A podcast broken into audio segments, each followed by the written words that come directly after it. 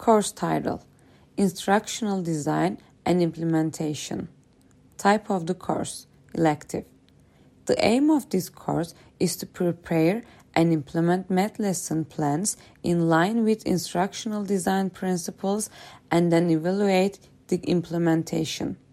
The content of the course is as follows Principles of Instructional Design, Goals of Teaching Middle School Mathematics, Preparation and Implementation of Mathematics Lessons, Preparation of Lesson Plans, Implementation and Evaluation of Lesson Plans.